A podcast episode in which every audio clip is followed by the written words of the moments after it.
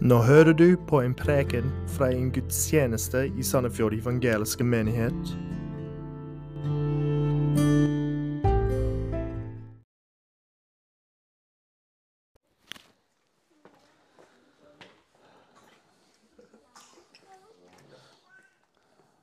Alt vel. Vi skal fortsette studiet vårt i dag i 2. Peters brev. Du kan gjerne slå opp i 2. Peters brev kapittel 2. Så leser vi vers 4-9 sammen, som er dagens tekst. 2. Peter 2, 4-9. For Gud sparte ikke de engler som hadde syndet, men styrtet dem ned i avgrunnen, der de blir holdt i varetekt i mørkets huler inntil dommen. Han sparte heller ikke den gamle verden, men bevarte rettferdighetens forsyner Noah, selv den åttende, den gang han førte vannflommen over de ugudeliges verden.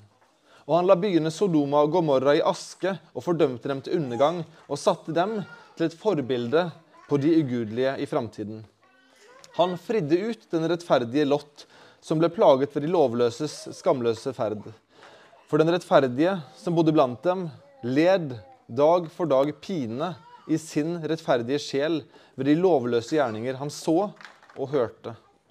Derfor vet også Herren å utfri de gudfryktige fra prøvelser, men å holde urettferdige, de urettferdige i varetekt med straff til dommens dag. Kjære gode himmelske Far. Jeg ber om at du må velsigne stunden sammen videre. Jeg ber om hjelp til å tale det som jeg bør, og til å tale på en måte som er forståelig. Og jeg ber om at eh, vi alle må forstå det du vil ha sagt til oss i denne teksten. At det må være eh, At det må virke i våre liv. Vi vet at ditt ord er levende og virksomt, og vi, vi ber om at det må utføre sin gjerning i våre liv, kjære far. Eh, vi ber om velsignelse over alle de som er her, alle de som, som måtte høre dette seinere og ikke har anledning til å være sammen med oss i dag. Eh, Velsign eh, forkynnelsen av ditt ord. Og vi ber i Jesu navn. Amen. Det er en historie fra det andre århundret før Kristus som jeg ble minnet på da jeg forberedte meg til talen i dag. Det er en historie om en selukisk konge, Antiochus Epifanes, som er referert til litt i Bibelen. Han var på vei til å erobre den egyptiske byen Alexandria, som tilhørte det som kaltes det tolomeiske riket. Eh, Det egyptiske riket, kan en si, men det var det tolomeiske riket det ble kalt på den tiden. Den, det er den samme Antiokus Epifanes som eh, massakrerte mange jøder eh, ved en senere anledning, og som bl.a. i kjølvannet av det som jeg skal formidle nå, innførte avgudsdyrkelse i tempelet i Jerusalem ved å ofre en gris til den greske guden Sefs. Som dere sikkert forstår, så falt ikke dette i spesielt god jord hos den jødiske befolkningen. Og det, ble ganske, det var ganske blodige affærer og, og store opprør i kjølvannet av det. Men det er ikke denne historien jeg vil berøre i dag. Men noe som skjedde da han var på vei mot Egypt for å erobre Alexandria. Han var altså kongen for det selukiske riket. Det ptolemeiske riket, som holdt til i Egypt-regionen, var ganske svakt på denne tiden. Og han så nå at han hadde anledning til å endelig erobre Egypt, en viktig strategisk plass, og legge det til det riket hvor han selv var konge. Men før han nådde fram til Alexandria, så hadde det ptolemeiske, det egyptiske riket, fått i stand en beskyttelsesavtale med Romerriket, med romerne. En avtale som sikret romersk beskyttelse over dem. Noe som betyr at dersom noen angrep Alexandria, så ville det bety krig. Ikke bare med det ptolemeiske riket, men også med det romerske riket. Og Det romerske senatet hadde skrevet et brev, riktignok på en tavle, så det var ikke, det var ikke en PDF, eller noe sånt, det var, det var litt sånn old school, men det var på en tavle. Jeg lurer på om det var en steintavle, selv om det fantes papyrusdokumenter og sånn da òg. Så, som var slik at, hvor det sto en advarsel om konsekvensene av et angrep for Antiochus Epifanes. Han sa hvis dere angriper Egypt, så vil det romerske riket gått krig mot dere. Så han er på vei mot Alexandria. Han er bare fem, gode fem kilometer utenfor byen. Og så kommer den romerske delegasjonen, en konsul ved navn Gaius Lianes, som videreformidlet advarselen fra Romerriket. Og han overrakte budskapet fra det romerske senatet med en klar advarsel om konsekvensene ved å erobre Egypt. Da Antiochus Epifanes fikk dette ultimatet servert, så ønsket han ikke å ta stilling til det med en gang. Han ville konsultere sine rådgivere, han ville kjøpe seg litt tid. Hva gjør jeg nå? Her gikk ambisjonene mine rett ned i, i, i toalettet, kan en si. Men når da den romerske konsulen tok staven sin, og så tegna han en sirkel i sanden rundt der Antiokus da, og så sa han du kan ta all den tid du vil, men du får ikke forlate den sirkelen du står i, før du har bestemt deg. Dette var ydmykende for Antiokus. Han forsto budskapet, han måtte ta en avgjørelse, og han måtte egentlig gjøre det nå. Og han fikk ikke forlate sirkelen, for forlater han den før, så betydde det krig. Han aksepterte termene som senatet i Rom hadde gitt han, før han så forlot sirkelen og dro, med, dro hjemover igjen. Han forsto at advarselen som romerne ga, var ekte, og at det ville få betydelige konsekvenser å trosse den sirkelen, den streken som var satt rundt der han var plassert. Han ble ikke gitt noen som helst form for spillerom han måtte ta stilling til advarselen med en gang, og tok han det gale valget, så fikk det alvorlige konsekvenser. Jeg, synes, eh, jeg har litt sansen for denne historien. Hvordan en, en, en en sånn uh, maktfigur møte en annen maktfigur, og hvor han må, må bli underkua og på en måte bare, bare gi, gi, en måte, bøye seg og forlate i skam. Da. Det er liksom morsomt å lese om. Det var ikke fullt så festlig for det jødiske folket når eh, Antiokus Epifanes kom tilbake til Israel etterpå. Da kom han tilbake ydmyka og sint og lot frustrasjonen sin gå utover de opprørske jødene som, som var under det territoriet som han da kontrollerte. Men det er liksom noe festlig med, med historien. Den romerske konsulen satte klart og tydelig premissene for hva som kom til å skje dersom han breit vilkårene som var satt. Og når jeg satt og forberedte denne talen, da, som igjen berører temaet falske profeter og trusselen de utgjør, så gikk tankene mine til denne historien. For her er det Gud som egentlig konfronterer de falske profeter, og så trekker en sirkel i sanden rundt dem og forteller dem i klartekst hva som kommer til å skje dersom dere bryter vilkårene. Dersom dere går og forsøker å forføre en av disse minste små. Forføre mine barn, mine allierte, kan en si, min menighet. Konsekvensene er klokkeklare, og enhver falsk profet må på en måte ta stilling til er jeg villig til å tåle disse konsekvensene, eller skal jeg backe unna? Og ikke bare lover Gud sterke konsekvenser for de falske profeter, men han gir også samtidig løfter for hvordan han skal utfri og beskytte sine barn, som kanskje ser svake og sårbare ut, som det egyptiske riket gjorde, men som har en sterk og guddommelig beskytter. Forrige gang vi studerte 2. Peter sammen, to uker siden, så var vi i versene før. Vi ble gitt en advarsel om falske profeters inntog i menighetene. Men det sto også fram falske profeter i folket. Slik skal det også blant dere komme falske lærere, slike som lurer inn vranglærere som fører til fortapelse. Og så ble vi opplyst om den trusselen de faktisk utgjør. Mange vil komme til å følge dem på deres skamløse ferd. Og for deres skyld skal sannheten bli spottet. Og til slutt så vi at Guds dom er over slike som søker å utnytte mennesker ved å tale løgner og hevde at de er fra Gud. Og Denne tematikken som nå videreføres, er egentlig bare en forlengelse av den forrige talen. på en måte. En kan si at 2. Eh, Peter 2, 1-3 er en advarsel til de troende om de falske profeter. Og dagens avsnitt, 2. Peter 2, 4-9, er en advarsel til de falske profeter om Guds over dem, Guds dom over dem og Guds beskyttelse over de troende. Så Tematikken er altså falske profeter fremdeles, men tonen og fokuset er noe annerledes. Så I dagens avsnitt har vi to deler som vi skal gå gjennom. Først advarselen til de falske profeter i vers 4, 5 og 6.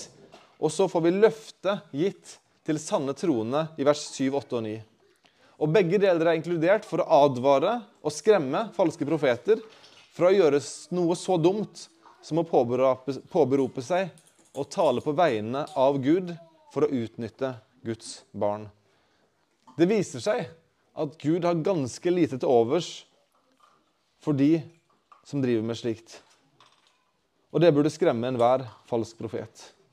Men avsnittet er også skrevet for å minne oss sanne troende om Guds trofasthet og beskyttelse over sine barn. Så Jeg håper også at gjennomgangen her skal kunne være med å oppmuntre oss også om Guds godhet for oss.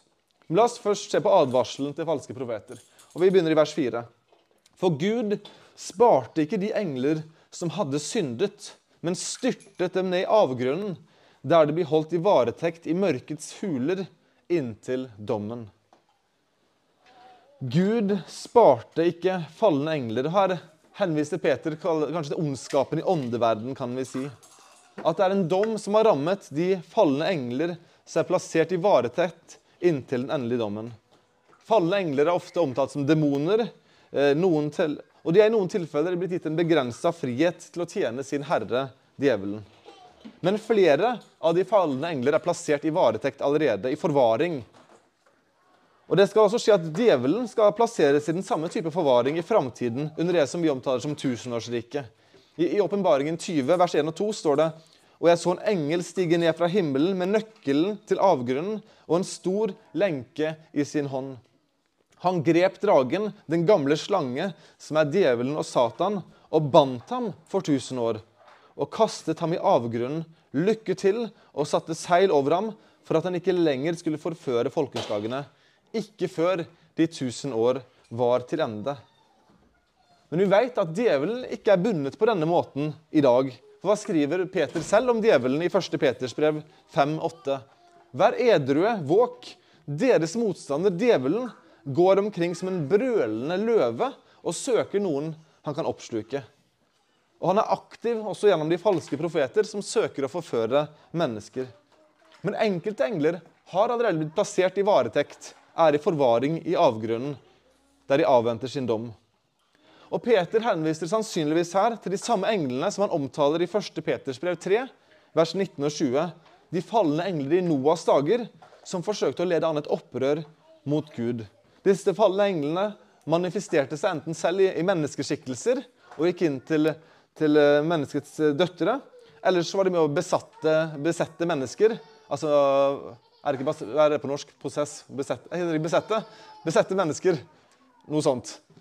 Ta bolig i mennesker som de da tok kontroll over. Eh, og, og, Bob har en veldig god tale om, om 1. Peter 3, 17-22, fra da vi var hjemme hos Christian og Susanne, eh, godt, hvor er temaet her blir godt berørt. Det er et videoopptak på YouTube, eh, kanalen vår. Så fikk jeg reklamert litt for den også. Men hvis du er mer interessert i skjebnen for, for, de falne engler og demoner og hva som skjedde i 1. Mosebok 6, så kan du høre den talen på nytt. Gud sparte ikke de falne engler som levde i opprør. Han vil heller ikke spare djevelen, selv om djevelen for en tid lever under en slags relativ frihet. Gud vil til slutt binde og dømme de som står i opposisjon til han. Og Det burde få enhver falsk profet til å skjelve. Friheten en opplever, er kortvarig og begrensa. Gud vil dømme. Historien har vist det. Og Kristus selv var nede i dødsriket og forsynte seier på korset over åndene som sitter i varetekt. Ingen skulle være i tvil om hvem som er kongen, hvem som en dag skal dømme alle levende og døde. Gud har dømt de falne engler, og det vil komme et endelig oppgjør i framtida. En endelig dom mot ondskap i åndeverdenen. Men på samme måte som i 1. Peters brev 3 så gjør Peter her en overgang til dommen som Gud utfører over åndeverden, til en dom som Gud utførte over verden og Noas samtidsmenn. Vers 4 omtaler på en måte ondskapen i åndeverden med de falne engler. Guds dom over denne. Og i vers 5 så ser vi Guds dom over det vi kan kalle global ondskap. Ondskap som menneskeheten som enhet er med på å både fronte og praktisere. Hva står det i vers 5? Han sparte heller ikke den gamle verden, men bevarte rettferdighetens forsyner Noah, selv den åttende, den gang han førte vannflommen over de ugudeliges verden. Hvis vi går gjennom den bibelske historien, så kommer vi ikke lenger enn til første Mosebok 6 før vi ser et klart bevis på at Guds vrede er over all ondskap. Det står i 1. Mosebok 6, vers 5, 6 og 7. Herren så at menneskenes ondskap var stor på jorden, og at alle tanker og hensikter i deres hjerter var onde hele dagen lang. Det er et ganske mørkt bilde som blir tegna her. Og Da angret Herren at han hadde skapt mennesker på jorden, og han var full av sorg i sitt hjerte. Og Herren sa, jeg vil utrydde fra jorden menneskene som jeg har skapt, både mennesker og fe og krypdyr og himmelens fugler, for jeg angrer at jeg har skapt dem. Dette er egentlig et av de mest sjokkerende avsnittene i Bibelen. hvis en tenker over det. Vi har liksom ikke kommet lenger enn kapittel 6 ut i boka. Skapelseshistorien var ferdig i kapittel 2. Fallet er i kapittel 3. De er fremdeles i hagen i kapittel 3. Og så går det to kapittel, og så sier Gud nok er nok. Menneskets ondskap, vel hjulpet av falne engler, hadde gjennomsyra nesten hele menneskeheten. Og Gud så på sorg, med sorg, på skaperverket og bestemte seg for å utøve rettferdighet og global dom. Noas ark er ikke en koselig reise om dyrene på båten. Det er en historie om Guds vrede øst utover en verden som hadde forkasta sin skaper og omfavna ondskap. Og Det eneste lysglimtet er det som står at Noah fant nåde for Herren. Det kommer en dag også i fremtiden hvor Gud på nytt skal dømme verden som helhet på nytt, men da gjennom ild. Guds dom var reell, den er reell. Gud sparte ikke verden. Hvorfor skulle en falsk profet, en som lever i opprør mot Gud, tro at han skal spare den som lever i opprør mot han, og som aktivt driver og forfører hans barn gjennom falske profetier og usannheter om han? Guds dom burde egentlig få oss alle til å løpe til Gud og be om nåde. Og jeg håper du har gjort det for ditt liv. At du skjønner at uten Jesus så er du håpløs. Uten at du får nåde, så er Guds dom over deg. Guds dom er over ånde, åndeverden. Guds dom har vært over den gamle verden, og den vil også være over verden som helhet en gang i framtida. Og det gode er at til og med falske profeter kan få nåde. Også falske profeter kan komme til Gud og erkjenne sin synd. Men de må komme i erkjennelse av sin synd og i desperasjon etter å få Jesus som sin frelser. Guds dom har vært over verden, den vil komme over verden. Og for de som tenker ja, ja, men det er lenge til, så minner Peter oss om en lokal dom som også rammet menneskers ondskap. Ikke åndeverden, ikke hele verden, men ved flere ganger i den bibelske historien har Gud sett en by eller en region og besluttet deres ondskap er så stor, jeg tåler den ikke lenger, og han har utøst dom. Det var advarselen som Jonas skulle bringe til Ninive. Guds dom kommer. Det er slutt. Og så vet vi at de omvendte seg, og dommen ble utsatt. Men få eksempler er bedre på dette i Bibelen enn historien om Sodoma og Gomorra. Vers 6. Og han la byene Sodoma og Gomorra i aske og fordømte dem til undergang og satte dem til et forbilde på de ugudelige i fremtiden. Hør her. Gud har lovet å ikke sende en ny vannflom. Det er regnbuende tegn på Guds løfte om. Det kommer ikke en ny global flom på jorda. Det vil riktignok komme en, en, en, dom gjennom ild i framtida, men, men, vannflommen er utsatt. Det kommer ikke. Det kommer en global dom på slutten av denne tidsalder, men fram til da så skal på en måte tider og sesonger være under stabile forhold relativt sett. Men det er ingen løfter fra Gud om at han ikke vil utøse en lokal dom igjen, på samme måte som han gjorde mot Sodoma og Gomorra. Og selv om vi kan si at det er unntaksvis at noe sånt ville skjedd, så skriver Peter at folket i Sodoma og Gomorra er forbilder på de ugudelige i framtida. Hvis en falsk profet lurer på hva hans lodd i fremtiden skal være, så skal han lese første Mosebok 19 om hva som skjedde med Sodoma og Gomorra. Fremtiden er ikke lys for alle. Vi skal se nærmere på hva som skjedde i Sodoma og Gomorra snart, når vi ser på historien om Lot, eh, som Peter plukker opp i vers 7 og 8. Men det som Peter ønsker at enhver skal sitte igjen med, og kanskje særskilt de falske profeter som skulle lese dette, skulle sitte igjen med dette. Gud har dømt. Gud kommer til å dømme, og Gud dømmer i dag all ondskap. Og når Guds dom rammer, så er det eneste som hjelper, å være dekka av Jesu blod. Det eneste som hjelper, er å være forlikt med Gud. Og alle falske profeter burde vært advart. Men advarselen er jo selvfølgelig til alle mennesker. Som også vil få Guds dom over seg hvis ikke de er dekka av Jesu blod. Hvis ikke de er forlikt med Gud, blitt født på ny, tatt inn, adoptert inn i Guds familie. Så får vi et taktskifte i avsnittet vårt fra advarselen til de falske profeter til løftet som Gud gir til de sanne troende. Og Det er her vi møter denne interessante karakteren Lot, som er et eksempel. Og jeg synes Peter gjør et ekstremt interessant valg av eksempel på en person som Gud har utfridd. Det finnes mange rettferdige mennesker som Gud på forskjellige måter har utfridd fra onde mennesker som var ute etter dem. Peter kunne brukt David som eksempel. David ganske bra. En del feil, men eh, sånn, en, en mann etter Guds hjerte. Han kunne brukt Abraham som eksempel. Troshelten. Ja, sine feil, men sånn på det jevne ganske bra. Han kunne brukt Moses. Israelsfolket for øvrig. Han kunne brukt Daniel, som ble utfridd fra løvehullen. Hva galt hadde Daniel gjort? Ingenting, altså, han, jo, han, var ikke, han var ikke syndfri, men det står ingenting negativt om han i Bibelen. Han kunne brukt Josef, som ble utfridd flere ganger fra forskjellige onde mennesker som ville han ondt. Men Peter nevner Lot. Eh, og Lot er selvfølgelig en naturlig figur å nevne, basert på at Sodoma og Gomorra er nevnt i vers 6. Men når hun tenker på karakteren og livet til Lot, så kan hun undre seg litt over valget. Og For dere som ikke kjenner til historien, så skal dere få den ganske snart. Men før jeg forteller historien om Lot, så vil jeg bare si at jeg blir litt oppmuntret av det. At Peters historiske eksempel ikke er en person som vi alle kunne sitte og si amen, han fortjente å bli utfridd. Alle kunne være enige at Daniel ikke fortjente å bli spist av løver. Han hadde ikke gjort noe galt. Han var jo den beste, beste, beste tjeneren kongen hadde. Han ville jo bare kongen og folket godt, men han tjente Gud.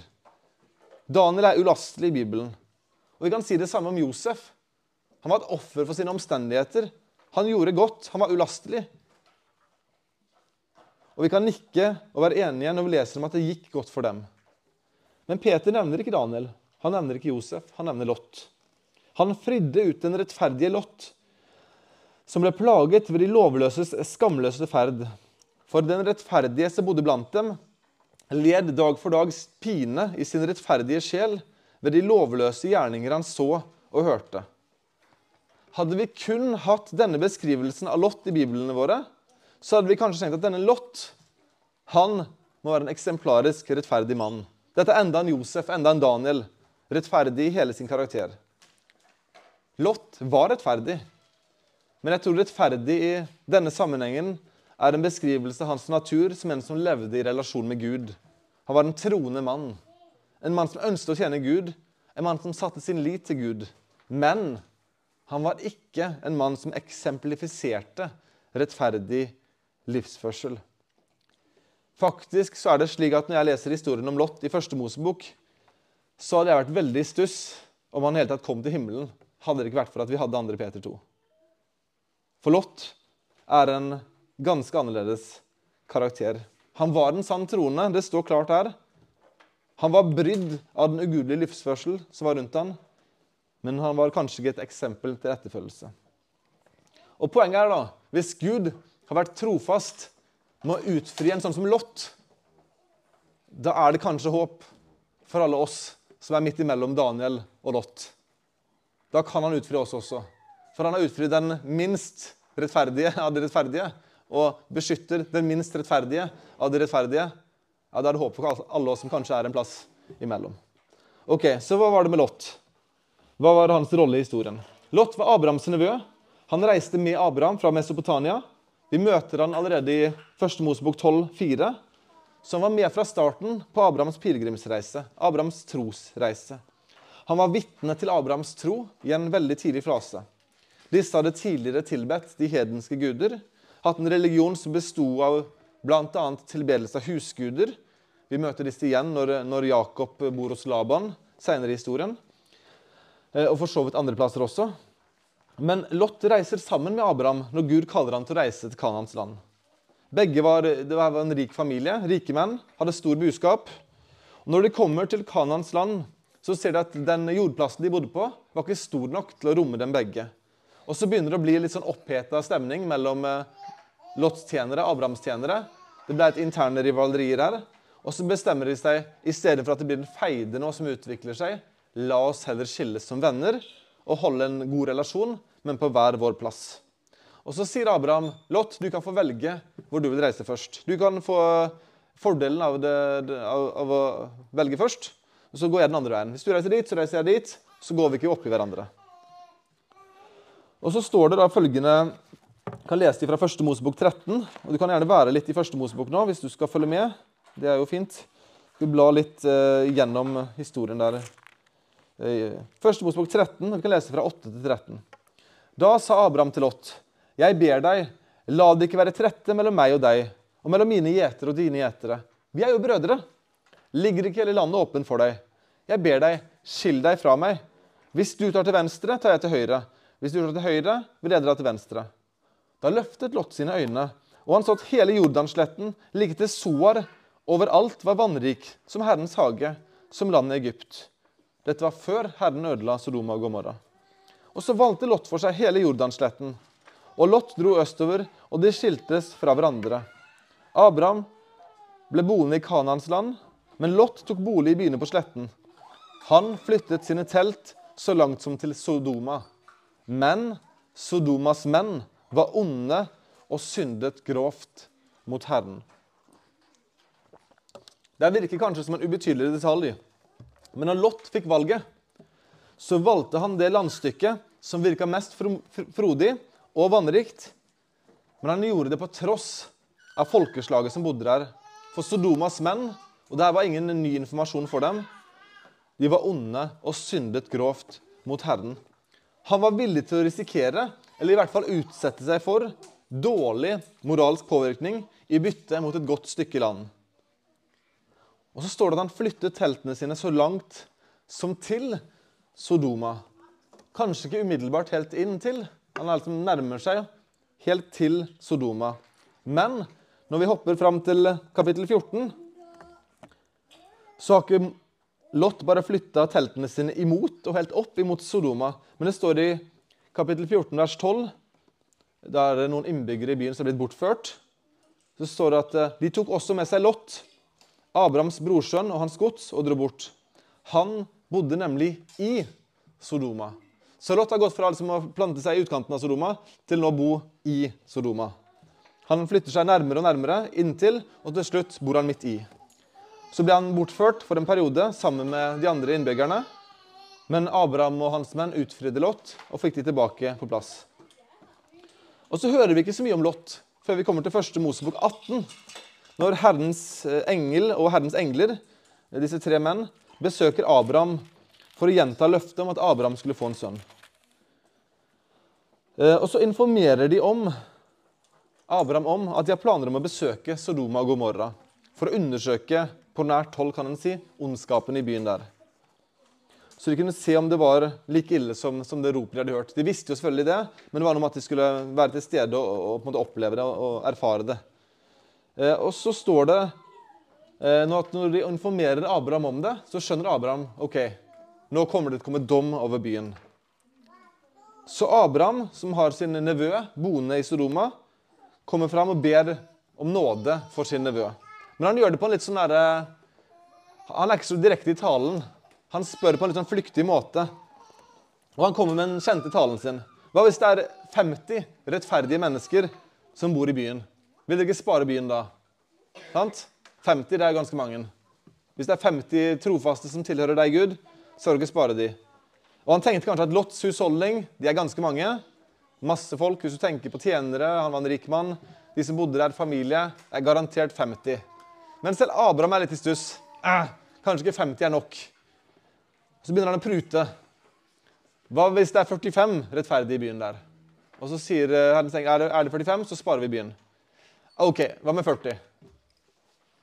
Abraham er ikke helt sikker på at eh, Lots familie og Lots husholdning har så mange rettferdige. Hva med 30, da? Og så Hva med 20? sant? Kanskje det bare er 20. Da må vi i hvert fall innafor. Men han er ikke helt sikker. Så Abraham går helt ned. OK, hva med at hvis det bare er ti? Ti rettferdige som tilhører deg. Sparer du byen da? Og så sier Herrens engel ja. Er det ti rettferdige, så sparer jeg byen. Og Abraham er ganske sikker. Ok, Lot han er ikke noe sånn eh, Han er ikke noe sånn prakteksempel, men det må i hvert fall være ti personer i hans husholdning som har fått den samme troen som han selv har. Ti rettferdige. Og Abraham var ganske sikker på at Kanskje ikke det var 20, da, men det var i hvert fall 10. Så Abraham stopper å be. Og Vi vet jo ikke hva som hadde skjedd om han hadde fortsatt til én. Det får vi aldri svar på. Vi får spørre, spørre Herren i himmelen. Sant? Lot er rik, han har stor husstand. Det er mange personer under hans innflytelse. Det må jo være ti personer som han har på en måte fått med til å tro og tilbe den samme Gud. Det viser seg da at han burde gått mye lavere. For det var sannsynligvis bare én, Lot selv, som var rettferdig. Og Lot selv var altså ikke noe prakteksempel. Han hadde flyttet nærmere, etter hvert inn i Sodoma. Og når englene kommer til byen, så står det at han satt i Sodomas port. Hva betyr det? Det var i porten at, eh, at byrådet satt. De som satt i porten, var de som, eh, de som, utførte dom. Det var på en måte rådet, de som bestemte. De som hadde innflytelse og beslutningstagning, satt i porten. Dommerne satt der. Og En skulle da tro at dette betydde at, at Lot var en av de rettskaffende og rettferdige menn i byen. Kanskje det stemte relativt sett. Men hans innflytelse på byen hadde i beste fall vært minimal. Fordi han som var en dommer i byen, kanskje en leder, han var da også kanskje til dels ansvarlig for den ondskap som rådde i byen. Så når englene, da, manifestert som menn, sier at de skal bo på gata om natta, så tenker jeg at uh -uh, det er ikke noe god idé. Dere skal ikke bo på gata. Dere må bo hjemme hos oss. For han visste hvordan folkene i Soroma var. Og så skjer det at når englene er hos han, så kommer jo da mobben. Byens ikke bare middelaldrende menn, unge, gamle, alle sammen, kommer og vil ha disse mennene ut for å misbruke dem. Og en kan si at Lot er, er god og beskyttende mot dem. Han nekter jo å sende dem ut. Han ber dem om å avstå fra den ondskap de planlegger. Mens hans forslag på å løse det her indikerer at hans moralske kompass ikke var helt retta mot nord. For hva er det han foreslår? Se, jeg har to døtre som ingen mann har vært nær. La meg få sende dem ut til dere, så dere kan gjøre med dem hva dere finner for godt. Dette er det beste den rettferdige Lot klarer å finne på av løsninger på problemet han sto i. Det er en tilsvarende historie, historie i Dommernes bok mot slutten der. Ta døtrene mine. La disse menn være. Han kunne i hvert fall sagt 'ta meg', da. Altså sånn, Det hadde ikke vært en ideell løsning, det heller, men liksom alt annet. Og jeg håper, da Jeg håper, Det burde i hvert fall vært et allment prinsipp som gjelder i alle tider og steder, at en aldri ofrer sine egne og uskyldige døtre på denne måten under noen omstendigheter. Jeg håper liksom det er noe, noe vi kan være enige om, at det er aldri greit. Men det var Lot sitt forslag. Men mennene aksepterer ikke forslaget. Og De vil tale sammen, og så gjør englene dem blinde. Eh, men det interessante er at det at de blir blinde, klarer ikke å stoppe dem fra, fra, å forsøke å gjennomføre sin plan. For det står ikke at da de ble gjort blinde, så, så ga de opp og gikk hjem. Nei, det står at de onde mennene forgjeves prøvde å finne inngangen på huset. De hadde ikke gitt opp. Ja, jeg er blind, men jeg skal utføre min ondskap. Blindheten var ikke nok for å stoppe dem fra deres perverse plan. Og så sier englene til Lot OK, det her er så ille som vi trodde. Og nå skal vi ødelegge byen. Så sier de til Lot hvis du har noen her i byen som du bryr deg om, altså din innerste sirkel, så er tiden kommet for å advare dem. Nå skal byen ødelegges. Og Så skjer det, da. Lot går ut, og så snakker han til svigersønnene sine. De som skulle gifte seg, disse to mennene, som skulle gifte seg med de to døtrene han hadde. Og Så står det i vers 14. Han sa, 'Stå opp og dra bort fra dette stedet, for Herren vil nå ødelegge byen.' Men svigersønnene tenkte at han drev gjøn. Og der er selve beviset for at Lots rettferdige vitnesbyrd i Sodoma ikke akkurat var prega av troverdighet og integritet. Et vers som skremmer meg litt òg. Hva om folk reagerer slik når du sier at du er en kristen? Eh, de ler av deg. Du tuller. God vits. For det er ingenting med din karakter, din væremåte, dine ord som indikerer at du virkelig tror på noe sånt.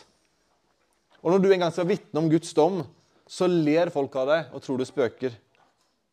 Lots svigersønner trodde Lot drev gjøn. Ja, det er svigersønnenes eget ansvar at ikke de hørte. Men en kan ikke annet enn å tenke at det her sier også noe negativt om Lot sitt vitnesbyrd i denne byen. Han hadde hatt tilnærma null positiv påvirkning på Sodoma gjennom å være dommer i byen. Hans egne svigersønner trodde han tulla når han advarte om dommen. Og han var villig til å ofre sine egne døtre for å bevare seg sjøl. Og så blir det verre. Man tenker at nå er vi på bunnen her. Men historien er ikke over. Første Mosebok 19, vers 15 og 16. Da når morgenen grydde, skyndte englene på Lot og sa, Stå opp, ta din hustru og dine to døtre som er her, så du ikke blir revet bort pga. ondskapen her i byen. Og tenker at Nå, tar han, tar han det, nå, nå forstår han alvoret. Vers 16. Men da han nølte altså Han er ikke overbevist sjøl engang. Da han nølte, tok mennene både han og hans hustru og hans to døtre ved hånden. For Herren hadde barmhjertighet med ham. Og de førte ham ut og ledet ham til han var utenfor byen. Det eneste som berger Lot her, det eneste, er at Herren hadde barmhjertighet med han. For selv når advarselen er kommet, og han har sett at de englene gjør, gjør de andre blind, han skjønner at det er guddommelige gjester, nå må vi dra. Vi forlater byen. Svovelet kommer. Æh, nøler. De må ta han i hånda og dra han ut av byen. Det eneste som berga han, var at Herren hadde barmhjertighet med han. Og så fikk de beskjed ikke se dere tilbake. Men når svovelet begynner å regne nedover byen, så ser Lots hustru seg tilbake og ble en saltstøtte. Lots hustru, hans nærmeste venn og partner, demonstrerte vantro i møte med dommen. Redningen lå i å følge Lot ut av byen. Hjertet hennes var tilsynelatende fremdeles fanget i Sodoma. Og hun ble også rammet i dommen. Og når han etter hvert unnslapp dommen, så vet vi at Lot endte opp i en fjellhule med sine to døtre. Og Det blir dessverre ikke bedre her heller. Han eh, blir skjenka full ved to anledninger i hvert fall hvor hans døtre, som han har oppdratt Han hadde tydeligvis mislykka med å oppfostre de i noen som helst form for gudsfrykt. Skjenka han for å kunne videreføre slekten gjennom sin far. Og Resultatet ble to nye etter, som seinere stadig skulle være i strid med jødene. Ammonittene og moabittene. Der er Lot sin påvirkning på sine omgivelser. Lots etterliste, ettermælet til Lot. Fruktene av Lot sitt liv Nesten alle fruktene. Men tross alt dette var han en rettferdig mann. Og Jeg sa det tidligere. Jeg har ikke kommet til denne konklusjonen basert på gjennomgangen av livet hans i første Mosebok. Det er bare ett hint som peker i den retningen, og det er følgende Herren hadde barmhjertighet med ham. Og er ikke det også vårt eneste håp, egentlig. For vårt liv, hvor enn råttent eller lite råttent er. For vårt håp at Gud har barmhjertighet med deg. Han har sett til oss i vår nød, i vår elendighet, i vår synd. Og så har han, til tross for at vi eh, må vi dra, tatt oss og revet oss ut av døden og plasserte oss i hans sønn sitt rike. Lot var en rettferdig mann. Ikke fordi han selv var definert, karakterisert av rettferdig livsførsel, men fordi han, tross alle sine versligheter, hadde tro på Herren som sin frelser. Peter gir oss litt mer innsikt i hva som foregikk i hjertet til Lot. Han hadde det ikke godt i Sodoma. Det skriver Peter. Han ble plaget ved de lovløse, skamløse ferd. Og det står at han led dag for dag pine i sin rettferdige sjel ved de lovløse gjerninger han så og hørte. Han var en rettferdig mann. Han hadde det ikke godt. Han var ikke et kroneksempel til etterfølgelse. Hør nå. Gud har utfridd de rettferdige gjennom historien. Også de minst eksemplariske som Lot. Og det må vi finne trøst i. Og Jeg håper ikke noen av dere er en Lot i livsførsel. Kanskje jeg har urealistiske forventninger om oss alle. Men jeg tror og håper at vi demonstrerer en høyere grad av rettferdig livsførsel enn det Lot gjorde. Men kanskje ikke alltid, dessverre. Men vit at selv om du skulle ha gjort like råtne og forferdelige ting som Lot har gjort Gud vil befri deg om du tilhører han. Så skal ikke det være en sovepute til å leve i verdslighet, men det er et løfte om at Gud beskytter sine barn, også de som feiler han, på størst mulig måte. Gud beskytter sine barn og utfrir dem fra de lovløses ferd. Falske profeter, de som vil skade Guds barn, skal være advart. Gud har omsorg for og beskytter også de av hans barn som tilsynelatende ikke lever nærest på han. Han beskytter alle sine barn, og det vil han fortsette å gjøre. For der vers 7 og 8 peker bakover, peker vers 9 til avslutning fremover. Gud vil fortsette å utfri sine barn. Han kan og vil utfri de rettferdige fremover. Derfor vet også Herren å utfri de gudfryktige fra prøvelser, men å holde de urettferdige i varetekt med straff til dommens dag. Nå må vi ikke lese for mye inn i dette, men heller ikke for lite ut av det. Løftet er at Herren vil utfri de gudfryktige fra prøvelser. Det betyr ikke at de gudfryktige aldri vil møte prøvelser. Men det betyr at i enhver prøvelse vil Herren forsørge en vei ut. I 1. Korinterbrev 10-13 eh, så er tematikken fristelser, som er av natur litt annerledes enn prøvelser, men noen prinsipper her er gjennomgående. 1. Korinterne 10-13. Gud er trofast. Han skal ikke la dere bli fristet over evne, men gjør både fristelsen og utgangen på den slik at dere kan tåle den. Når det gjelder fristelser, så er de begrensa til vår kapasitet og evne. Og for enhver fristelse vi måtte møte, så lover Herren å gi en utgang, en vei ut av fristelsen. Prøvelsens natur er som nevnt litt annerledes enn fristelsen, men prinsippene er ganske like. Gud lover ikke å fjerne alle prøvelser fra deg. Nei, faktisk er det slik at nesten alle ting du møter i livet ditt, er en form for prøvelse. Altså Uansett hvilket ansvar du har, hvilken relasjon du er i, så utgjør den en form for prøvelse for din tro og for din karakter. Og Nå er det kanskje spesifikt i dette avsnittet prøvelser i form av angrep fra den onde, gjennom falske profeter, usannheter, ting som eh, er imot deg aktivt. Gud lover å utfri deg fra dem. Det kan hende at du må stå dem en stund, kanskje en lang stund. Det kan hende at du vil erfare at det er veldig slitsomt og krevende å være i prøvelsen. Gud vil utfri, slik som han til slutt utfridde Lot. Noen ganger må han ta deg og dra deg ut av prøvelsen fordi du har blitt komfortabel der og funnet ut at her kan jeg bare leve og gjøre feile ting hele tida. Fordi du klarer ikke det sjøl. Slik som Lot måtte bli dratt ut av Sodoma. Andre ganger er det kanskje enklere. Men Herren vet å utfri de gudfryktige fra prøvelser. Og jeg tror liksom si det til alle, alle oss her da, og alle som måtte høre deg senere. Vit at Herren er med også i prøvelser. Om du går gjennom en prøvelse i ditt liv, vit at Gud er med deg. Han har ikke forlatt deg, selv om du har det kjipt. Det betyr ikke at Herren rettferdiggjør alt det dumme du eventuelt må ha gjort, eller kanskje du til og med gjør. Men om du tilhører Herren, om du er hans barn, så skal du vite at Gud er med deg. Han evner og er villig til å hjelpe deg gjennom og etter hvert ut av den prøvelsen du måtte stå i. Og Det betyr ikke at du skal være passiv eller likegyldig, men det det betyr, er at det er håp. Det er håp. Uansett hvor vanskelig dine omstendigheter er, det er håp. Du har med håpets Gud å gjøre. Han vet å utfri de gudfryktige fra prøvelser. Og Jeg vet jo ikke hvordan utgangen på noen sine prøvelser ser ut. Jeg vet ingenting. Men jeg veit at det er håp hvis du tilhører Herren. Og jeg vet at du skal være sikker på at Gud vet å føre deg ut, befri deg fra de prøvelsene som du står i. Ikke flykt fra Gud, røm til Gud i det som er vanskelig i ditt liv. Han vil utfri de gudfryktige fra sine prøvelser.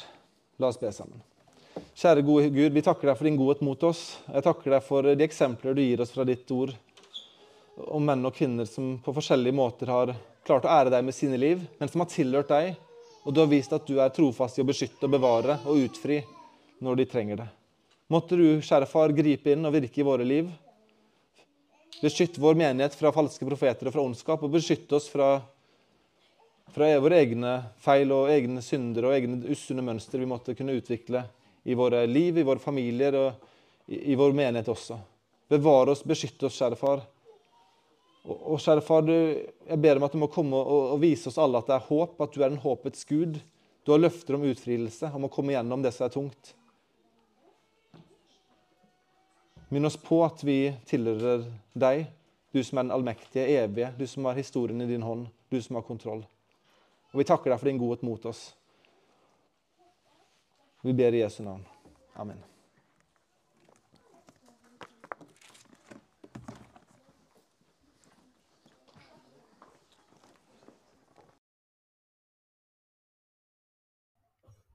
Takk for at du hørte på denne prekenen.